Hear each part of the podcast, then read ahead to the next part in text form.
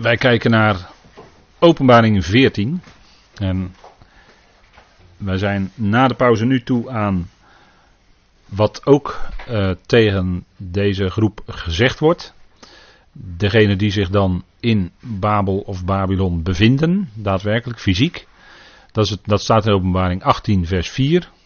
En er wordt tegen hen gezegd: Kom uit, uit haar, mijn volk, zodat je geen deel hebt aan haar zonden en evenmin aan haar plagen. Dat wordt gezegd aan diegenen van het volk die uh, zeg maar getrouw zijn aan de Heer en die zich in Babylon nog bevonden. Daar wordt een dringende oproep gedaan dat zij uitgaan uit die stad. En zo'n oproep vinden wij bijvoorbeeld ook in Jeremia. U weet, Jeremia 50 tot en met 52 gaat ook over Babylon en alles wat ermee te maken heeft. Ook over de val van Babylon. Wordt ook uitgebreid in Jeremia in die hoofdstukken beschreven. En uh, wordt ook deze uitspraak wordt ook genoemd in uh, Jeremia. En dat is dan uh, bijvoorbeeld.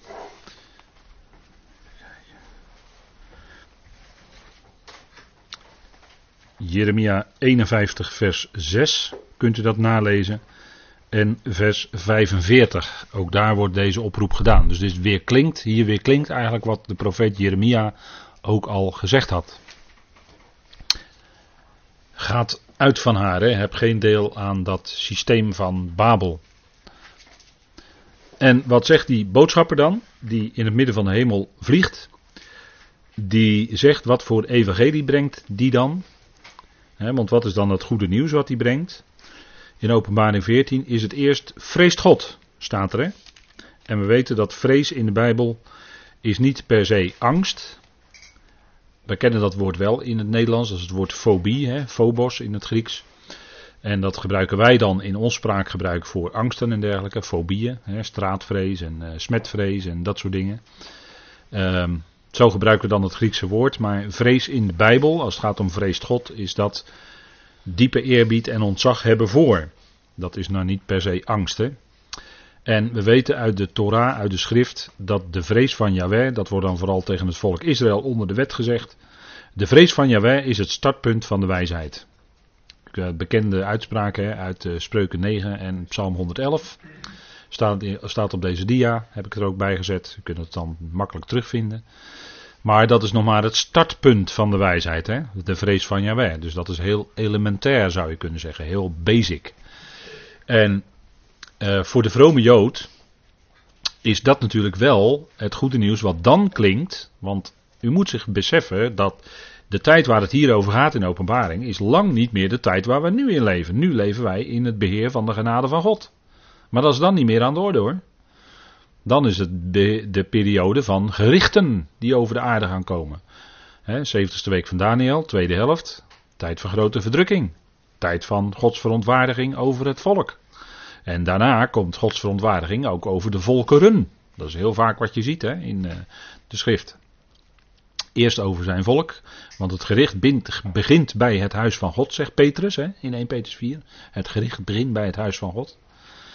Dus eerst Israël onder het gericht en daarna gaan de volkeren ook gericht worden. Maar dit is heel elementair voor de vrome Jood, hè, die gelooft dat God is. Want dat is heel basic. Hè. Degene die God wel gevallen wil zijn, begint het allemaal mee dat je gelooft dat God is.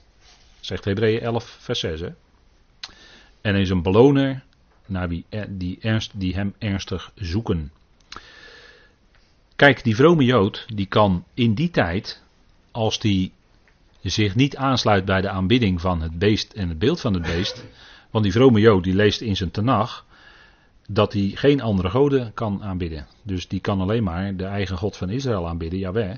En geen andere God. En hier in de eindtijd wordt aanbidding door het beest geëist op straffen van de dood. Dus de Jood die daar niet aan mee wil doen, die alleen maar de eigen God wil aanbidden, de enige ware God, Jaweh, de God van Israël, die zal dan gedood worden, want uh, dat gebeurt onder andere doordat hij niet meer kan kopen of verkopen. Nou, dan kan je dus ook geen eten meer kopen en uh, nou ja, dan verhonger je.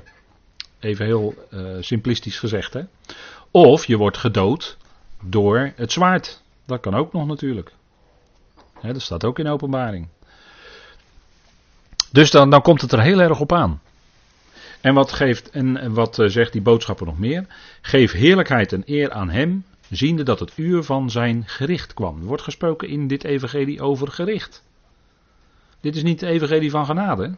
Hier wordt gesproken over het gericht. Vreest God, geeft hem heerlijkheid en eer, want het gericht is daar. dus in dit evangelie, wat zien we hier? Wat wordt over God bekendgemaakt? Gods macht en kracht als richter. Hij, komt, hij, hij is dan bezig te richten en dat doet hij natuurlijk door zijn zoon. Maar hier wordt helemaal niet gesproken over zijn liefde en genade in dit evangelie. Hè? Het Ionische evangelie, de inhoud daarvan is, vers 7, vrees God, geef hem eer, want het uur van zijn gericht is gekomen. En aanbid hem die de hemel, de aarde, de zee en de waterbronnen gemaakt heeft. Wordt helemaal niet gesproken over genade, wordt niet gesproken over liefde. Andere elementen. Kijk, in andere tijden, zoals nu, is het genadetijd. Hè? Dat heb ik op deze dia ook gezegd. Wat geldt dan? Geloof. Want geloof is het principe wat overeenstemt met genade. Maar hier wordt niet opgeroepen tot geloof, hier wordt geroepen, opgeroepen tot het vrezen van God en Hem aanbidden. En bijvoorbeeld, om nog een ander voorbeeldje te geven, in de tijd van Pinksteren, Petrus in handelingen, wat deed Petrus? Hij riep op tot bekering. Was een andere tijd. Hij riep op tot bekering. En in deze tijd waar we nu nog in leven, dat is de genadetijd, wordt opgeroepen tot geloof. Geen verdiensten. Degene die niet werkt maar gelooft, wordt zijn geloof gerekend tot gerechtigheid. Dat is genade. Maar dat geldt straks in die tijd niet. Dan is er een eonisch evangelie aan de orde, waarin God als richter wordt erkend. En het tweede element is dat hij de maker van de hemel en het land en de zee is ik vertaal hier land, maar dat is altijd arbitrair, want er staat in het Grieks het woord ge en dat kun je zowel met aarde als met land vertalen. En dan moet de context uitwijzen waar het om gaat. Nou, hier gaat het om Israël, om Israëlieten. Dus hier zou je land mogen vertalen in deze tekst. En aanbid de maker, degene die maakt, aorist. Dus dat is een feit. De maker van de hemel en het land en de zee en de bronnen van de wateren. Dus God als schepper wordt hier erkend, maar niet als vader. Ziet u ook hoe het, hoe het accent heel anders ligt hier in dit evangelie? dus dit is niet het evangelie wat in deze tijd zou klinken, maar dit is het evangelie wat straks klinkt, wat die boodschapper brengt. dus God is de schepper. Kijk, en we zien al lijnen natuurlijk lopen, dat mensen uh, ook, ook christenen, bekende christenen ook, die geloven niet meer echt volledig in de schepping, maar die willen ook evolutie daar een beetje in, in schuiven, zeg maar. Hè. Uh, ze willen evolutie erin schuiven. En uh, dat, dan zien we ook lijnen naar de eindtijd, want in de eindtijd zal die afvallige Jood ook daar zelfs in meegaan. Hè, want die zal dan God niet meer als maker erkennen, hè, als maker, als schepper van alles. Maar die zegt in de eindtijd, dat zegt Petrus ook, hè, dan, dan uh, die afvallige Jood zegt dan, waar is de belofte van zijn aanwezigheid? Hè, 2 Petrus 3 vers 4, want sinds de vaderen, let op het woord vaderen, dan weet je dat het over Israël gaat, ontsliepen, blijft alles voortdurend zoals vanaf het begin van de schepping. Hè, dat, is de, dat is met een heel moeilijk woord, ik hoop dat ik het goed uit kan spreken, uniformitarianisme. Zoek maar eens op in Wikipedia wat dat betekent. Maar dat heeft te maken met geologie, dus de aardlagen. En men beweert dan, en er zijn ook mensen die dat beweren, die, jou, die zeggen dat alles uniform is gebleven. Dus dat alles uh, misschien heel langzaam, heel geleidelijk aan verandert in die aardlagen. Maar die houden geen rekening met de grote cataclysmen of catastrofes, zoals die daar zijn, Genesis 1 vers 2. Toen alles door het water ondergelopen was. Ook de hemelen, hè? Alles, alles stond vol met, alles liep vol met water. Dus dat is een enorme, enorm iets geweest, een enorme catastrofe. Die overigens wel terug te vinden is hoor, in de aardlagen, als je eerlijk bent. Maar moet je wel eerlijk zijn. En dan hebben we natuurlijk Noach. Wat denkt u van Noach, de grote vloed? Dat heeft ook heel wat in die aardlagen teweeg gebracht hoor. Dat heeft hele grote geologische consequenties. En dat haalt een dikke streep door deze moeilijke lering. Het uniformitarianisme. Ja, ik ben er weer uit. Nou, maar hè, heel langzame evolutie, zeg maar. Nou ja, evolutie. En dan zijn er, dan zijn er moderne, of eh, tegenwoordig zijn er bekende christenen. En die zeggen dan van, uh, ja kijk, uh, ja, die willen dan toch rekening houden met de resultaten van de wetenschap. En dan zeggen ze dat de aap en de mens een gemeenschappelijke voorouder heeft. Alleen het probleem is dat ik dat niet in de Bijbel terugvind. Ik vind het niet in de Bijbel terug. In de Bijbel vind ik wel terug dat God schiep uit de bovenste laag van de aarde op de zesde dag schiep God de mens. Formeerde hij als de pottenbakker. Dat vind ik wel in de Bijbel terug. Dus ja, wat je dan moet met resultaten, mogelijke resultaten van de wetenschap enzovoort. Ja, ik, ik weet het allemaal niet. Ik, eh, ik, eh, inmiddels uh, hobbel ik ook wat jaartjes mee. En in de loop van de tijd heb ik gezien dat dat wat werd ontkend op basis van zogenaamde wetenschappelijke of archeologische resultaten later weer onderuit werd gehaald door nieuwe archeologische resultaten waarin bleek dat de Bijbel, wat de Bijbel erover had gezegd, dat het toch precies klopt. Jericho, hè? Nineveh, om maar even een paar dwarsstraten te noemen. Hè? Lang beweerde men in de wetenschap, waarin wetenschappers elkaar meestal ook napraten hoor, als je oplet. Hè? Maar in de wetenschap werd dat lange tijd ontkend. Totdat de archeologische resultaten uitwezen dat het exact gegaan was zoals in de Bijbel staat. Kijk, je moet lang genoeg blijven graven daar, zeg ik altijd, en dan kom je het vanzelf allemaal tegen. En dan blijkt elke keer dat Gods woord gewoon blijft staan. Natuurlijk blijft dat staan, omdat het Gods woord is. En dat doorstaat gewoon een tijd van de kritiek. Daar hoeven wij niet voor te zorgen. wij hoeven geen apologetiek te bedrijven voor Gods woord. Nee, dat doet God zelf wel. God zelf heeft zijn woord gegeven en dat is waar en dat blijkt. Nou ja, dat is natuurlijk fantastisch hè. Dan heb je ook waarheid, dan heb je ook licht. Kijk, dat eonische evangelie, dat zegt vreest God als maker en als richter. Hè? Die twee elementen komen duidelijk naar voren. Hè? En dat is een algemeen principe, een soort basisprincipe, wat je toch ook door de eonen heen terugvindt. Hè, kijk maar bij Adam en Eva. God is hun maker, hun schepper. En hij sprak met een gericht erbij. Hè? En dat gericht kwam ook. Kijk maar bij Noach. Hè? Noach geloofde, maar dat had wel alles te maken met een aangekondigd gericht. Hè, Noach ging die ark bouwen. En dat duurde heel wat jaren hoor. En hij zal bespot en uitgelachen geweest zijn. En noem maar op. Hè. ha, Noach, ja, gaat regenen. Ja, je bent helemaal. Er zit een steekje bij je los. Totdat het ging regenen natuurlijk. Hè. Ja, totdat het ging regenen. Ja. Kijk, en onder de Torah was het ook vrees van Yahweh. De vrees van Yahweh, hebben, ik heb het net nog een keer aangehaald. Vrees van Yahweh is het startpunt van de wijsheid. Geldt ook onder de Torah. Hè. Wet heeft natuurlijk te maken met gericht. Je vindt het ook terug in Romeinen 1 tot 3. Het gericht, hè, als Paulus spreekt in Romeinen 2 bijvoorbeeld over de grote witte troon, wat daar gaat gebeuren. Daar zullen de verborgen motieven van de mensen aan het licht komen. Niet alleen hun werken, maar ook de motieven waarmee die werken gedaan zijn. Die zullen ook bij de grote witte troon aan de orde komen. Daar gaat die film wel open hoor. Die film gaat daar draaien. Absoluut. En komt alles komt aan de orde. Alles. Al die werken. Allemaal. Maar dan zullen ze gericht worden, zegt Paulus, in overeenstemming met mijn evangelie. Dus hè, heel, heel duidelijk, hè? Romeinen 2, meen vers 16 uit mijn hoofd gezegd. Ze zullen gericht worden bij de grote witte troon in overeenstemming met mijn evangelie. En wat is dan uiteindelijk het resultaat? Nou, uiteindelijk het resultaat is natuurlijk genade. Tuurlijk, tweede dood. Zeker, zeker. Dan worden ze in de poel van vuur geworpen en dat staat er dan gewoon bij wat dat is. Dat is de tweede dood. Staat er gewoon bij wat het is. dus de Bijbel verklaart zichzelf. Dat hoeven wij niet allemaal te gaan verklaren. Van vuur is misschien een vorm van loutering en is een heel lang proces en dit en dat. Gaan we het allemaal proberen te verklaren en het staat er gewoon bij. Het is gewoon heel simpel. De poel van vuur, dat is de tweede dood. Staat er gewoon bij. Dat kun je gewoon lezen. Zo moeilijk is dat toch niet, denk ik dan, maar goed. soms is het wel moeilijk gemaakt, denk ik wel eens.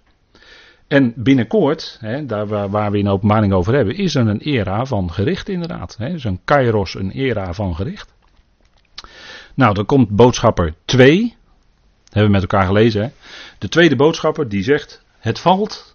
Er staat niet: Het is gevallen. Want dat is nou weer. Dan denk je op het moment dat die boodschapper dat uitspreekt. dat Babylon al gevallen is. Hè? Als je dat zo leest in jouw vertaling. Dan denk je: Oh, het is al gebeurd. Nee, er staat hier een feit. Wat niet aan tijd gebonden is. Twee keer. Die boodschapper die zegt namelijk: Het valt. Het valt. Dat is een feit. En dat kan best zijn dat het op het moment dat hij dat uitspreekt, dat het al uh, bijna gaat gebeuren. En dan zegt hij Babylon, de grote. Dat woord stad ontbreekt hè, in de tekst. Babylon de grote deed alle natieën drinken uit de wijn van de gramschap van haar hoererij. De wijn van de gramschap. Nou, de beker van de gramschap, daar zullen we nog wel wat verder over zien vanavond. Maar deze tekst die komt ook voor met dezelfde bewoording in openbaring 18 vers 2. En daar gaat het dan echt over, wordt beschreven uitgebreid. Het is hier maar heel beknopt hè. Maar in openbaring 17 en 18 met name wordt uitgebreid de val van Babylon beschreven. En er wordt ook gezegd het valt, het valt, Babylon de grote. En dat zijn bewoordingen die wij terugvinden ook in Jezaja. Want dat zoeken we even met elkaar op. Dan ziet u dat dat door de profeet al een keer is uitgesproken. En een profetie, dat weet u, wordt gedaan naar aanleiding van gebeurtenissen. En de profeet zegt dan aan regelmatig wat binnenkort gaat gebeuren. En bij Babel is dat natuurlijk zeker het geval geweest. Maar profetie heeft altijd nog een diepere laag, namelijk dat niet alleen dat gebeuren is in de tijd van de profeet of hè, dat de profeet spreekt of vlak daarna. Nee, het heeft vaak nog een dubbele bodem. Dat wil zeggen dat het in de toekomst ten volle wordt vervuld of ten diepste wordt vervuld, hoe moet ik het zeggen? En dat geldt zeker ook met de profetieën over Babylon. Jezaja 21 vers 9 staat Zie nu, daar komt het, strijdwagens, manschappen, ruiters, twee aan twee. Hij neemt het woord en zegt, gevallen, gevallen is Babel. En alle beelden van zijn goden heeft hij tegen de grond stuk gebroken. Ziet u dat Babel wordt natuurlijk verbonden met beelden van zijn goden, afgoderij. Daar wordt Babel mee verbonden. Vandaar dat er wordt gesproken over de gramschap van haar hoererij. Dat is geestelijk, dat zijn afgoden.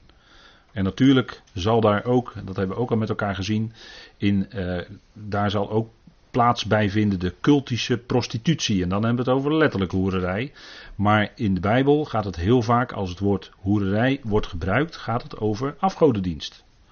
Bekijk maar hoe de Heer via profeten spreekt. Hè? Ezekiel, Hosea, Jeremia, Jezaja. Vind je dat steeds datzelfde aanklacht tegen zijn volk tegen de twee en tegen de tien stammen vind je dat terug. En er wordt er gesproken over dat zij hoereren op elke hoogte met gewijde palen en dergelijke. Nou, dat is afgoderij, dat is afgodendienst. Dat is overspel met afgoden.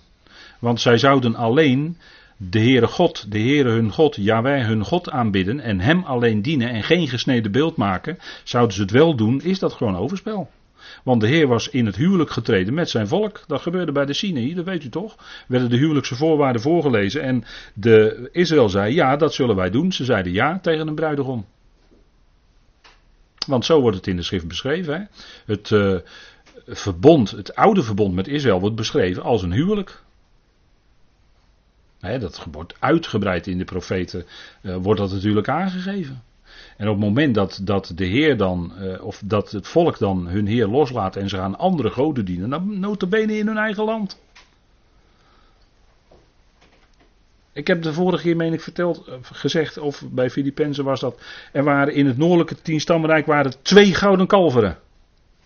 Er stond er een in Dan en er stond er een in Bethel, ingesteld door Jerobeam. Notabene iemand uit de stam Ephraim. Nota bene, nota bene. Afgoderij werd gewoon door de koning ingevoerd. En de Heer die moest dan op een gegeven moment die tien stammen inderdaad uit het land weg laten halen. Want hij had gezegd van ja, als jullie niet aan mijn regels houden die ik in mijn huis, mijn land gesteld heb, eruit. En dat gebeurde dan ook. En dat had alles te maken met een afgoderij. En in de Bijbel wordt dat, in Hosea met name, want daar gaat het vooral over de tien stammen, wordt het uitgebreid, is één lange litanie. één lange jammerklacht over de hoererij en overspel van het volk met andere goden. En dat is Babylon. Vandaar dat uh, erover gesproken wordt dat zij alle natieën te drinken geeft uit de wijn van de gramschap van haar hoererij. Vandaar dat het woord gebruikt wordt. Heeft met afgoderij te maken. En dat lezen wij hier terug in Jesaja 21. Hè? Alle beelden van zijn goden heeft hij tegen de grond stuk gebroken. Ja, dat is natuurlijk ook mesjochen. Ja, dat is misschien toch wel aardig woord. Hè? Dat, dat ze die, die stomme beelden die niet kunnen spreken, die niet kunnen horen. Ze kunnen niks, die beelden. En daar ga jij dan voor knielen. Dat is eigenlijk gewoon belachelijk. Lees maar Psalm 115 hoe erover gesproken wordt. Ze kunnen niks. En dan ga jij dan, je hebt het zelf gemaakt, zo'n beeldje, en dan ga jij dan in je huis neerzetten. En dan ga je nog voor knielen ook. Ja, dan ben je inderdaad mesjochen, ja. In Jeremia 51 wordt hetzelfde ook gezegd, hè. In Jeremia 51.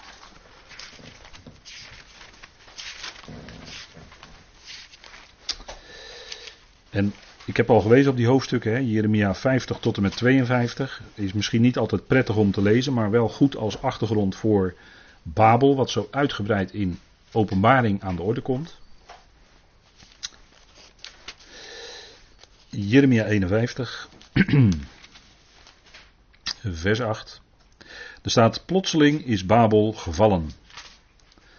En stuk gebroken. Weeklaag erover. Haal balsem tegen zijn pijn. Misschien zal het genezen. We hebben getracht Babel te genezen, maar het is niet te genezen. Verlaat het.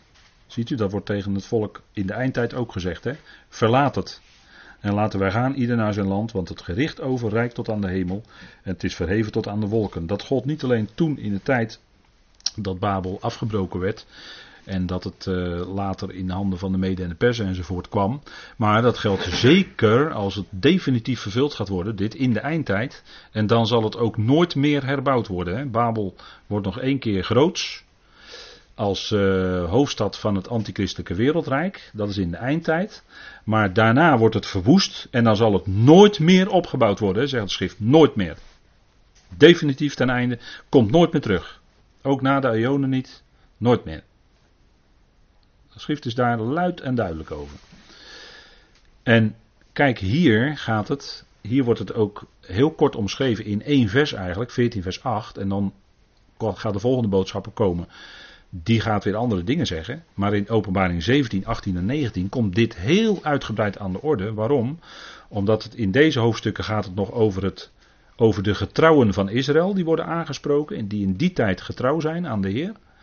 En in Openbaring 17, 18, 19 gaat het over de ontrouwen van het volk. En vandaar dat het daar dan zo uitgebreid, veel uitgebreider wordt besproken. Dat is de verklaring, hè? Een korte omschrijving, hier gaat het over de getrouwen. Ik heb het op deze dia er ook bij gezet. God houdt zijn verbond met hen. En later lezen wij dus over wat ik net zei, over de ontrouwen van Israël die door de wet gericht worden. Een uitvoerige beschrijving. Kijk, u ziet daar uitspringen op deze dia die Ishtarpoort. Die kunt u ook in Berlijn bezichtigen in een museum.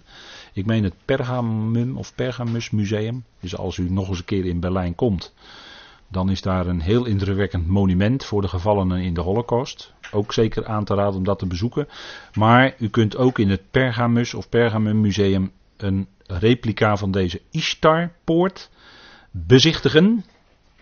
Uh, die is ook in, in het huidige Babylon zelf ook herbouwd geworden.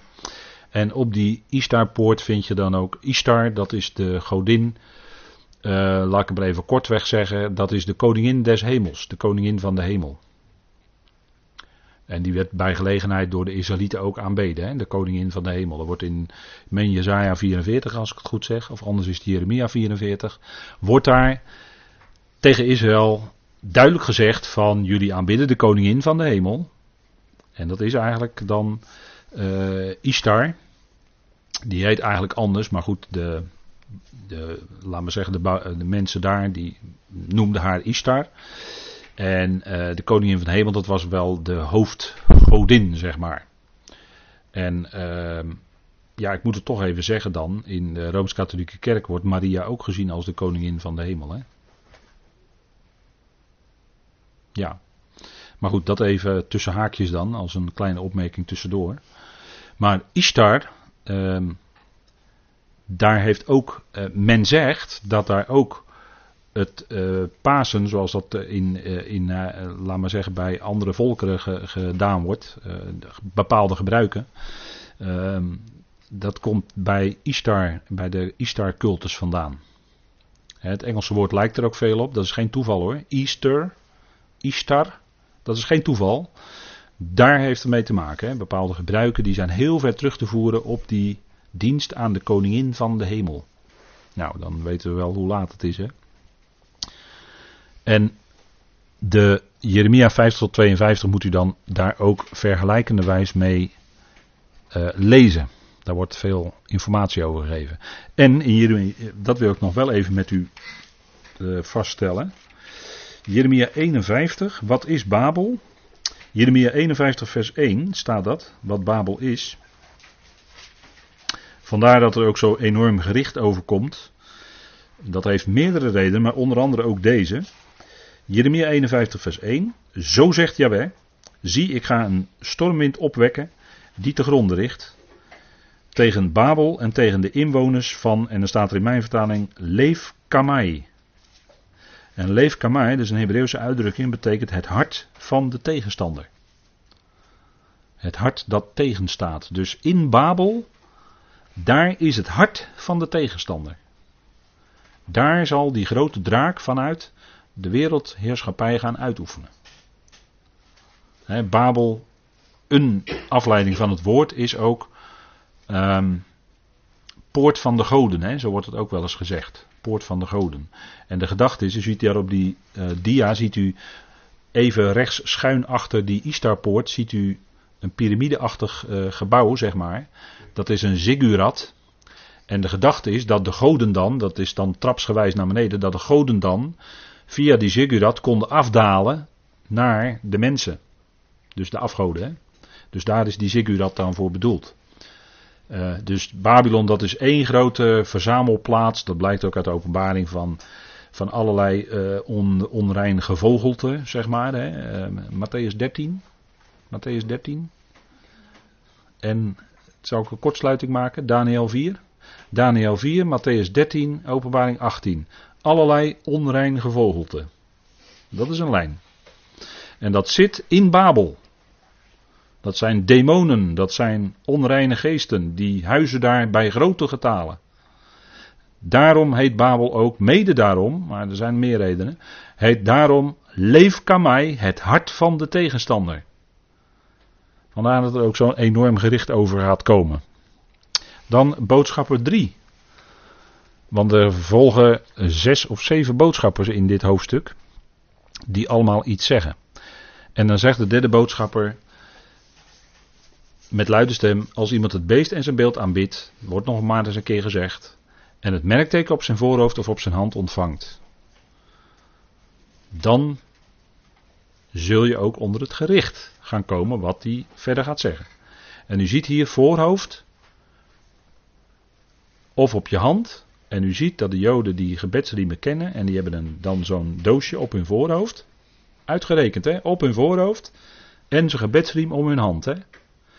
En als u het mij vraagt, zit daar, zit daar toch een verband mee. Dat die tegenstander, in plaats dus van dat zij dus bidden tot hun God, de God van Israël, dat ze dan dus die tegenstander aanbidden. Uitgerekend, hè. u kunt het op dit plaatje, vond ik dat mooi geïllustreerd. Zo'n soldaat die dan staat te bidden, waarschijnlijk bij de klaagmuur. Maar dan ziet u op het voorhoofd of op de hand. Hè. Dus dat is toch heel tekenend, denk ik. Nou, als iemand dat doet, hè, als die dan toch als, uh, als, als Israëliet toch mee gaat doen aan de aanbidding van het beest en het beeld van het beest, dan zal hij ook, let op het woordje ook, dan zal hij ook drinken van de wijn van de gramschap van God, die onvermengd is ingeschonken in de drinkbeker van zijn verontwaardiging. Dus dan gaat hij, als je dus die aanbidding gaat doen, dan ga je dus niet alleen drinken uit die beker van Openbaring 14, vers 8 van Babylon. Want daar drink je dan eigenlijk uit als je dat aanbidt. Er, wordt daar, er wordt daar ook gesproken over wijn en over drinken. En als je dan dus gaat drinken daaruit als Israëliet zijnde, dat is wat eigenlijk die boodschapper zegt, dan zul je ook drinken, en dan komt het gericht, van de wijn van de gramschap van God. Dat is een hele andere wijn. dat is een hele andere wijn als van Babylon. Maar dat is de wijn van het gericht, van de wijnpersbak. De wijn van de gramschap van God, dat is eigenlijk uh, een woord, de grondwoord zegt eigenlijk, uh, heeft te maken met emotie. Hè? En uh, in het Engels wordt dan het woord fury gebruikt. Hè? Dat kennen wij wel met furieus zijn. Nou, de gramschap van God. Die onvermengd is ingeschonken in de drinkbeker van zo'n verontwaardiging. Want nota bene als mensen van zijn eigen volk Israël. Als die die draak gaan aanbidden in feite in, in het beest. Dan, dan is de maat echt helemaal vol. Dan is de maat echt helemaal vol. En dan moet daar een heel ernstig gericht op komen. Dus die aanbidder van het beest, die drinkt eigenlijk dan uit twee bekers, om het zo maar te zeggen. Hè? Niet alleen die wijn van Babylon, maar ook zal die dan drinken van die wijn van die gramschap van God. Twee bekers. Dat staat, uh, die beker, uh, het is een bekende uitdrukking hoor, die in de profeten ook voorkomt. drinken van de wijn van de gramschap of de drinkbeker van de verontwaardiging. Ik heb de teksten eronder ook weer bijgegeven. met name Jezaja 51 en uh, Jeremia zijn ook weer duidelijk daarin. Dus ziet u dat dit ook weer een uitdrukking is die zo uit de profeten komt. Dit, is, dit komt, eh, de drinkbeker van zo'n verontwaardiging, van gramschap, komt zo in de profeten ook al voor hoor. Dus echt niet nieuw wat hier in, in uh, openbaring staat. maar dit zijn dus hele ernstige woorden die gericht worden tot leden van zijn volk in de eindtijd. dan is het echt eindtijd hoor. Het einde van de boze Aion, daar zit je dan echt helemaal middenin. En dan komen ook de gerichten. En dan staat er het gericht en hij zal gepijnigd worden in vuur en zwavel.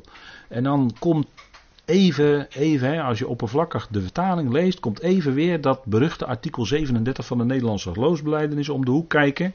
Wat we nu gauw weer verkreukelen en in de prullenmand gooien. want het kan hier niet op gebaseerd zijn, want waar gaat het hier eigenlijk over? Ja, er staat inderdaad, hij zal gepijnigd worden in vuur en zwavel. Staat in uw vertaling. Maar eigenlijk staat er een woord dat te maken heeft met een toetssteen. Het Griekse woord is, uh, dat heeft te maken met iets langs een toetssteen halen. Ehm, je kunt het misschien beter vertalen met kwellen. Dan is het wat algemener. Want pijn, dan denk je direct aan lichamelijke pijn. Maar het hoeft helemaal niet in de schrift alleen lichamelijke pijn te zijn. Kan het ook zijn, maar het wordt veel breder gebruikt. Dat zullen we zien. Dit, dit woord heeft te maken met langs een toetssteen halen. En dat zal ook in de eindtijd gaan gebeuren met de leden van zijn volk. ze zullen getoetst worden. Ja, blijf je de God van Israël aanbidden. Of blijkt het anders te zijn. Ga je toch dat beeld van het beest enzovoort. Wat zo natuurlijk verleidelijk is. Waar je zo in meegaat. Omdat je, ja, het is een voorwaarde om te kunnen kopen en verkopen. Merkteken van het beest, hè. Dan kun je de winkel niet meer in. Dan heb je niet meer een, uh, ja, misschien wel een chip of zo in je, in je voorhoofd of in je, in je hand.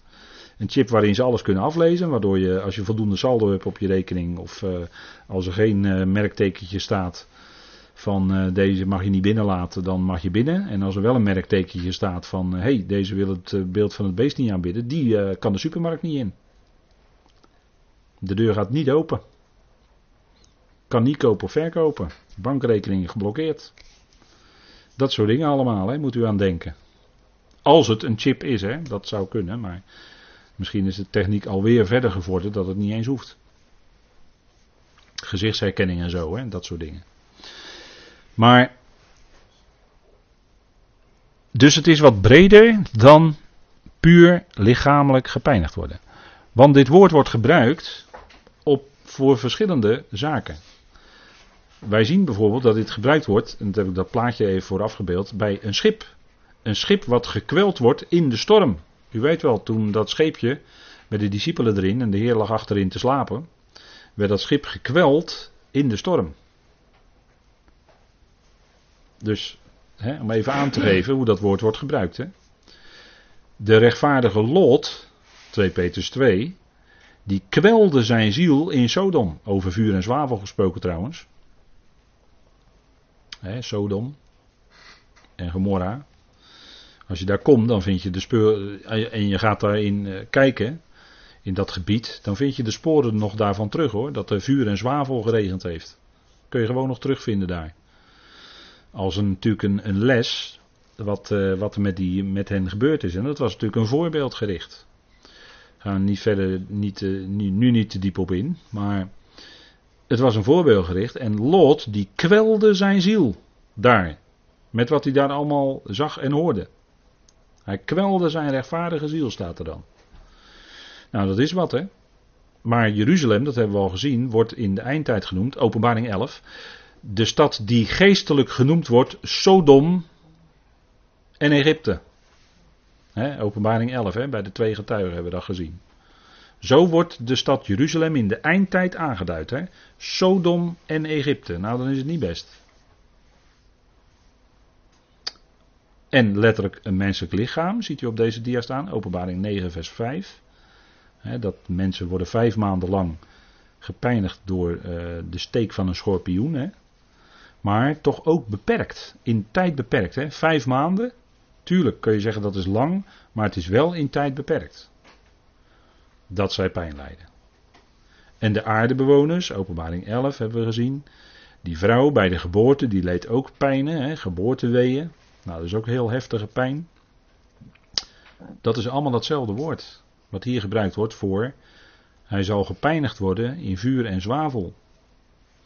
En ook demonen, hè, die zeggen dat. Heer, bent u nu gekomen? Bent u nu al gekomen om ons te pijnigen? Hè? Matthäus 8. Als de Heer die twee bezetenen in Gadara tegenkomt. Dan uh, zeggen die demonen die in die mensen zitten. Die zeggen dan, Heer, bent u nu al gekomen om ons te pijnigen, staat er dan. En de Satan in de poel van vuur wordt ook hetzelfde woord voor gebruikt. Dus je ziet dat het heel divers gebruikt wordt. Hè? Maar even een, moet u maar zo rustig nazoeken. Maar dan heeft u even een indruk hoe breed dat woord gebruikt wordt in de schrift. Nou, hij zal gepijnigd worden in vuur en zwavel. Voor het oog van de heilige boodschappers en voor het oog van het lammetje. Dus openlijk voor iedereen. Hè? En hier is het dus, wordt dit gezegd over de aanbidders van het beeld van het beest en van het beest. En dat zijn de leden van zijn volk. In die tijd. Dus het is heel beperkt. Het is heel beperkt. Het is echt niet zo dat dit gezegd wordt over alle mensen die ooit in de poel van vuur geworpen worden. Daar wordt dit niet van gezegd, hè? Dit is heel beperkt tot diegene van zijn volk die dan dat beeld toch gaan aanbidden die zullen deze pijniging ondergaan. Maar die is ook maar beperkt tot hun eigen leven, tot hun, of misschien maar een korte periode van hun leven zelfs. Dus het is ook nog eens heel beperkt in de tijd. Het is beperkt qua aantal mensen en heel beperkt in de tijd. En deze tekst, deze teksten, worden juist gebruikt door mensen die denken dat er een hel is, om te zeggen, dat ongelovigen voor altijd in die vlammen gepijnigd worden. Nou, dat heeft geen enkele grond dus in de schrift. Hè? Kijk, zo moet je de schrift lezen. Kijk in het tekstverband waar het in staat. Waar gaat dit over? Over wie gaat dit? En je zult ontdekken dat vanuit het tekstverband, ja, daar kan je geen kant op. Maar dit kan je nooit toepassen op alle ongelovigen die altijd geleefd hebben. Dat is onmogelijk. Kan niet. En dan staat er ook nog, en de rook van hun pijniging stijgt op tot in alle eeuwigheden. En dan komen we weer met dat begrip aion. Eigenlijk staat er iets anders natuurlijk. Hè? Maar er staat ook niet hun pijniging, maar de rook van hun pijniging stijgt op. Dus zij worden dan gepijnigd, Maar de, hè, in vuur en zwavel en de, en de rook van het vuur en zwavel, dat stijgt op. Maar dat wil helemaal niet zeggen, hier wordt helemaal niet gezegd dat die mensen al die tijd lang gepijnigd worden. Wordt helemaal niet gezegd. Wordt alleen maar gezegd dat, hun, dat die rook opstijgt gedurende die lange periode. Dat het herinnerd wordt. Hè?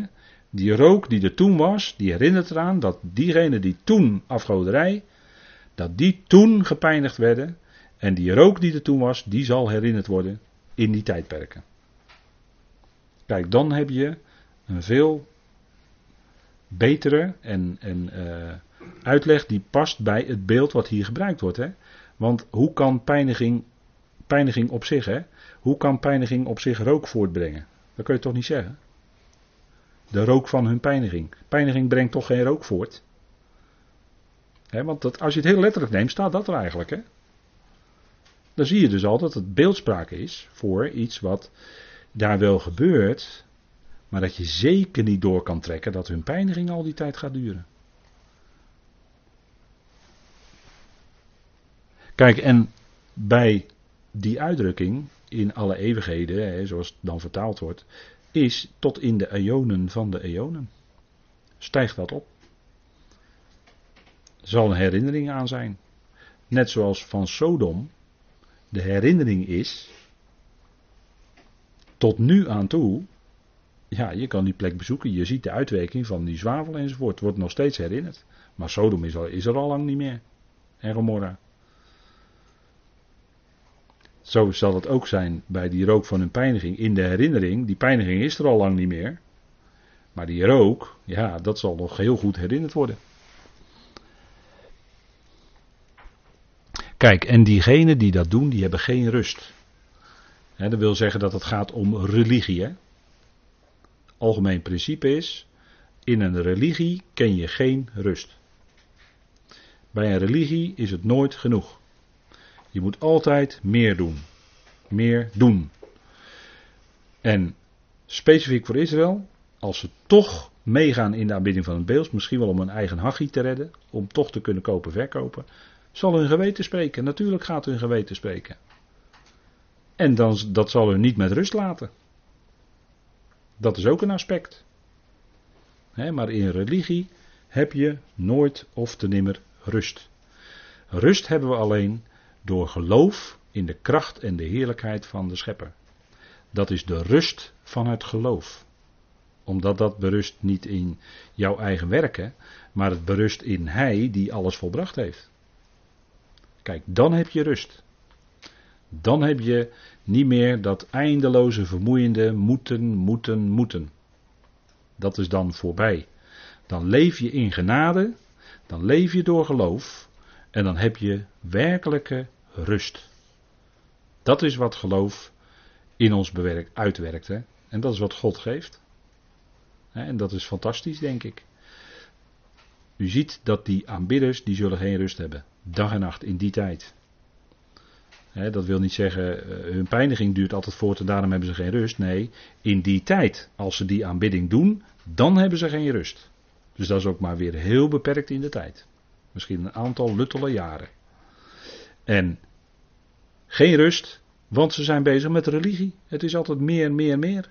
Het is altijd moeten. Je moet altijd weer religieuze verplichtingen blijven doen. En dan weet je aan het eind van de rit nog niet of het genoeg was. Dat is het kenmerk van religie. Het kenmerk van geloof is rust. Het is volbracht. Nou, ik denk dat het goed is om daarmee vanavond af te sluiten. De volgende keer hopen wij weer verder te gaan. Ik wil afsluiten met een gebed. Vader, we danken u dat we ook vanavond weer een aantal aspecten van uw woord konden doornemen. Vader, vaak moeilijk begrepen teksten, die als we ze goed in het verband zien waar ze in staan, ineens duidelijk worden. En zien hoe het zit. Vader, en de enorme dreiging die er dan in traditie van uitging, is ineens weg. Vader, we danken u daarvoor. We danken u dat uw woord verheldert. Dat als we daarop inzoomen, dat we gaan ontdekken stap voor stap hoe het zit. En dank u wel dat u met uw volk Israël, ook al zullen ze door die hele moeilijke tijd heen moeten, waar we vanavond ook bij bepaald werden. Vader, dank u wel dat u met hen tot het doel gaat komen. U bent trouw aan al uw beloften die u heeft gegeven. aan de vaderen, Abraham, Isaac en Jacob, Jozef, Ephraim. U zal al die beloften zult u aan hen vervullen.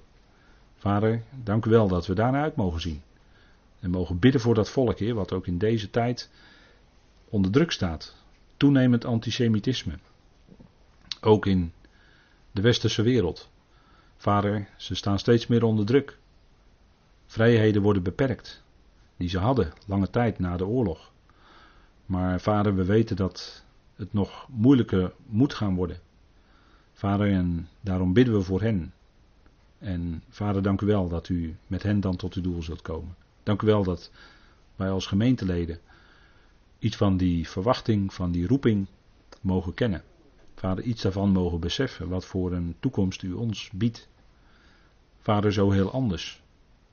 En als we deze dingen overdenken, naar aanleiding van profetieën, dan lijkt het bijna misschien wat onwerkelijk voor ons, maar toch heeft u dat aan ons beloofd dat wij geroepen worden bij de bazuin om u te ontmoeten in de lucht, Heer. We danken u dat we daarna uit mogen zien. Dat wij voordat dit allemaal gaat gebeuren, weg zullen zijn. Vader, het is diepe genade. Het is helemaal niets van onszelf. We ontvangen alles van u. Vader, we danken u dat u ons zo wilt leiden. Wees ons ook genadig nabij. Ook in de komende dagen, Heer, wees hen erbij die het moeilijk hebben, die ook morgen een moeilijke gang moeten maken. U weet wat nodig is, wilt u hen troosten, bemoedigen, nabij zijn. Dank u wel, Heer, dat u ook daarin alles in uw hand heeft. Vader, we danken u voor uw goedheid, uw trouw. Al uw beloften zult u waarmaken. En dank u wel dat wij mogen leven in volkomen rust. Vader, omdat u ons geloof heeft geschonken in ons hart. We danken u dat u ons dat alles geeft. We danken u, zoals we hier vanavond konden en mochten zijn. We danken u in die machtige naam van uw geliefde Zoon, onze Heer Christus Jezus. Amen.